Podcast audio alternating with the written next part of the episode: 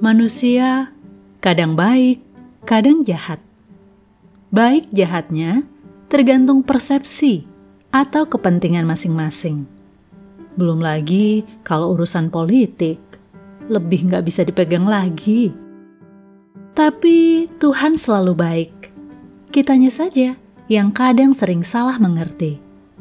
Berupayalah berada di pihaknya. Percayalah padanya. Niscaya kau tak akan kecewa.